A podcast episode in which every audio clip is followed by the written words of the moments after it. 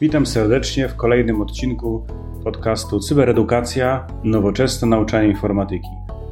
Dzisiaj chciałbym się zastanowić nad tym, czy w edukacji online ustalenie harmonogramu nauki ma wpływ na wyniki studenta czy ucznia? Czy decyzję dotyczącą rytmu pracy warto pozostawić osobie uczącej się, czy raczej narzucić harmonogram pracy? Zapraszam do wysłuchania tego odcinka. Cyberedukacja. Nowoczesne nauczanie informatyki. Nazywam się Bogdan Księżopolski i zapraszam do mojego autorskiego podcastu Cyberedukacja. Edukacją informatyki zajmuję się od ponad 20 lat. Obecnie kieruję Katedrą Cyberbezpieczeństwa i Cyberedukacji Polsko-Japońskiej Akademii Technik Komputerowych w Warszawie. Prezentuję najnowsze badania naukowe oraz praktyczne rady dotyczące nauczania informatyki na wszystkich etapach edukacji. Będę mówił o najlepszych praktykach stosowanych w klasycznym nauczaniu, ale również o tych stosowanych w trybie zdalnym oraz mieszanym. Będę omawiał wyłącznie zagadnienia, które zostały sprawdzone i potwierdzone przez nauczycieli na całym świecie. Mam nadzieję, że przedstawione przeze mnie przykłady zainspirują do wprowadzenia nowoczesnego nauczania informatyki. Zapraszam w czwartki o czwartej. Czy w edukacji zdalnej warto ustalać harmonogram nauki, czy raczej pozostawić naukę samej osobie uczącej się? To pytanie szczególnie było istotne podczas pandemii, w której musieliśmy wprowadzić nauczanie zdalne, zarówno na uniwersytetach czy w szkołach. W trakcie opracowania modelu prowadzenia zajęć właśnie pojawiły się pytanie, w jaki sposób planować kursy, w jaki sposób udostępniać materiały dydaktyczne, jak oceniać osiągnięcia osób uczących się, czy to są uczniowie, czy studenci, i jaka jest rola nauczyciela w takich kursach. Takie pytanie postawili sobie naukowcy z Uniwersytetu Adama Mickiewicza w Poznaniu i opublikowali swoje wyniki na bardzo dobrej konferencji Innovation and Technology in Computer Science Education.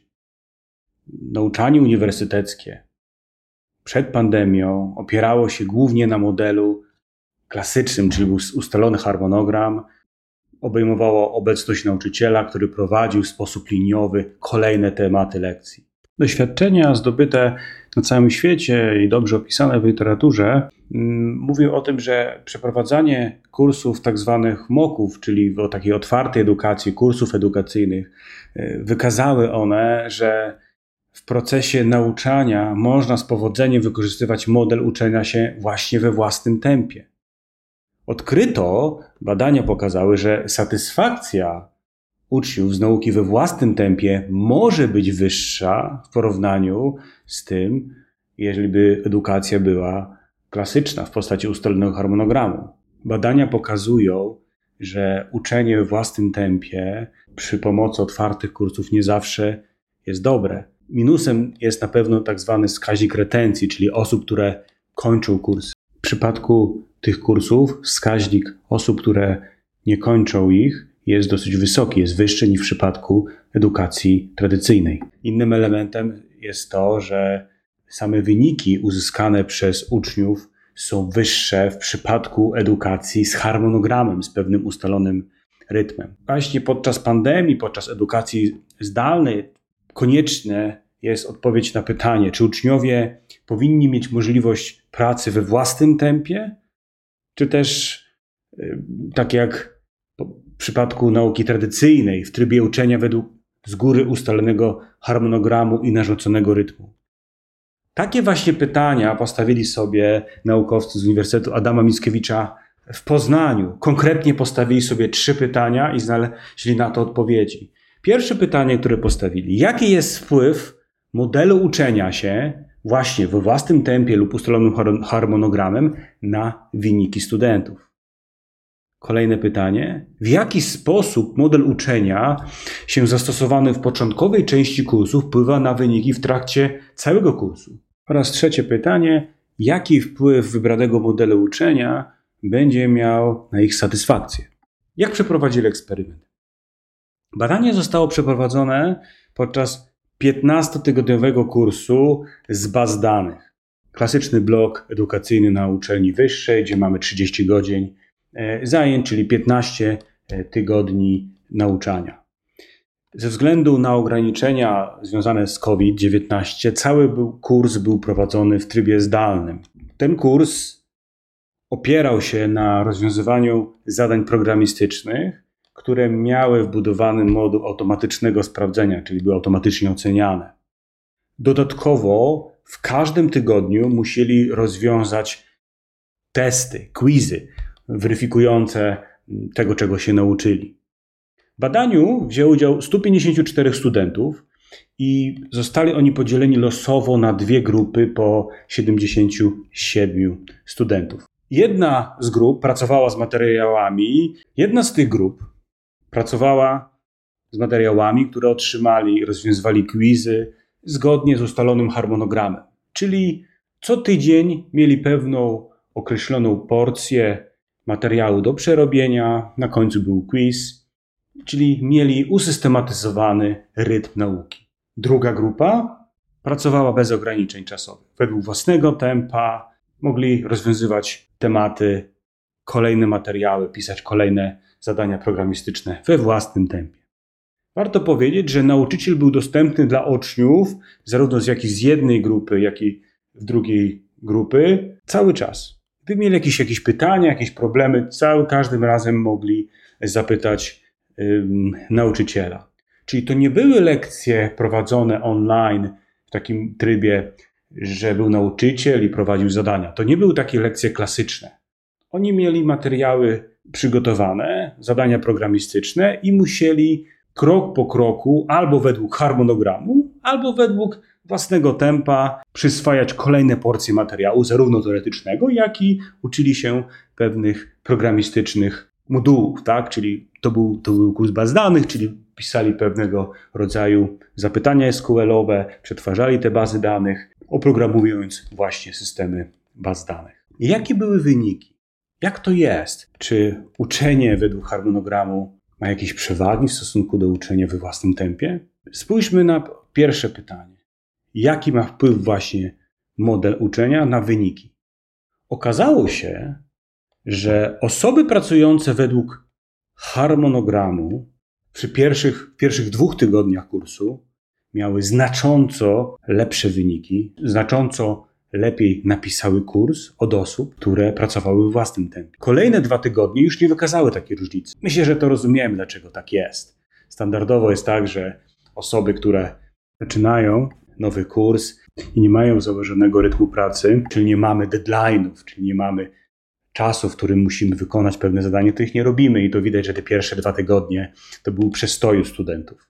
W przypadku harmonogramu, czyli czas był określany przez system, że musieli to wykonać w tydzień, no więc musieli, dlatego lepiej zdawali te kursy, te testy dotyczące tych pierwszych tematów. Drugie pytanie, które postawili sobie naukowcy, w jaki sposób model uczenia się zastosowany w jednej części kursu wpływa na cały kurs. Czyli, no dobrze, powiedzieliśmy sobie, że ten początek wśród osób, gdzie był harmonogram, poszedł lepiej. Tak? Uczyli się systematycznie, lepiej zdali ten test, mamy na to dowód. Ale jaki to ma wpływ na dalszy przebieg kursu? Bardzo ciekawe wyniki.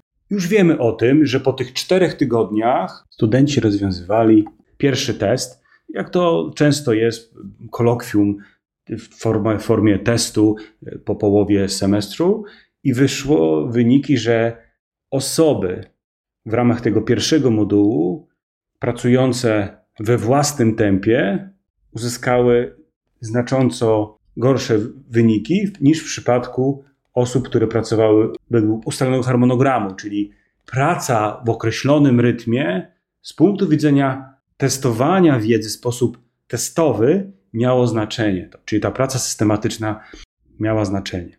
To, co dla mnie jest bardzo ważne w tych wynikach, i chciałbym tutaj na tym się chwilę zatrzymać, że osoby pracujące z harmonogramem, czyli z ustalonym rytmie, w, pewnym, w pewnej systematyczności, co jest kluczowe w edukacji, uzyskały znacząco wyższe wyniki z testu praktycznego od osób, które pracowały w własnym tempie. To znaczy, że praca systematyczna pozwala im przyswoić lepsze umiejętności praktyczne.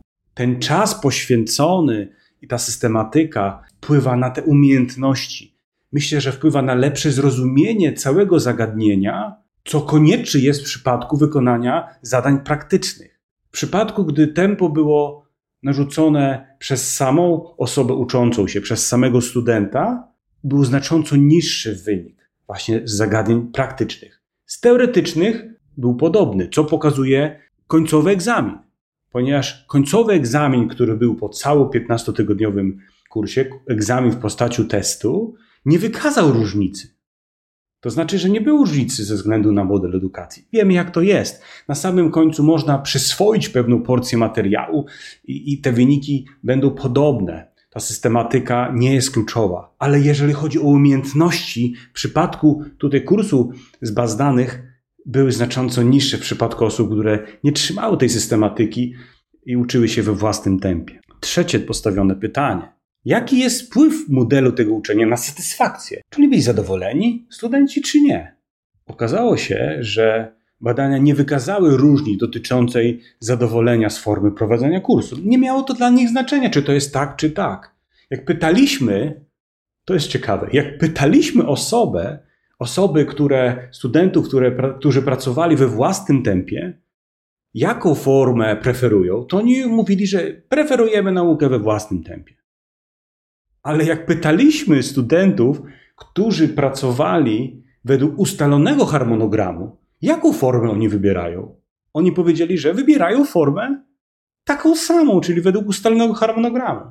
To jest ciekawe dla mnie spostrzeżenie, ponieważ myślę, że pokazuje, że nowe doświadczenia, inne doświadczenia w edukacji otwierają nas na nowe doznania i budują nasze nowe preferencje. Ja myślę, że dzisiaj przyzwyczajeni jesteśmy w edukacji do takiej klasycznej formy przekazywania wiedzy. Jeżeli zapytamy, czy to jest dla, dobre dla studentów, dla uczniów, to oni powiedzą tak, jestem zadowolony. Ale dlaczego tak powiedzą? Ponieważ często nie widzieli innej formy, nie widzieli innych możliwości technologicznych, interaktywnych ich i praktycznych y, form nauczania, projektowych. Jak tego nie doznali, to dla nich to, co jest, dla nich jest dobre i oni znają to i chcą pójść tą drogą edukacyjną. I warto pokazywać zarówno uczniom, jak i nauczycielom różne formy edukacji po to, żeby mogli szerzej spojrzeć, jak można uczyć i wybrać tą formę, która jest odpowiednia dla konkretnego przedmiotu, dla konkretnych uczniów czy studentów. Podsumowując, wyniki pokazują, że studenci osiągają lepsze wyniki podczas pracy w modelu ze stałym harmonogramem, jednak z narzuconą systematyką. I nie ma to wpływu na ich poziom zadowolenia z kursu. Dziękuję za uwagę i już dzisiaj zapraszam na kolejny odcinek podcastu Cyberedukacja w czwartek o czwartej. Do usłyszenia.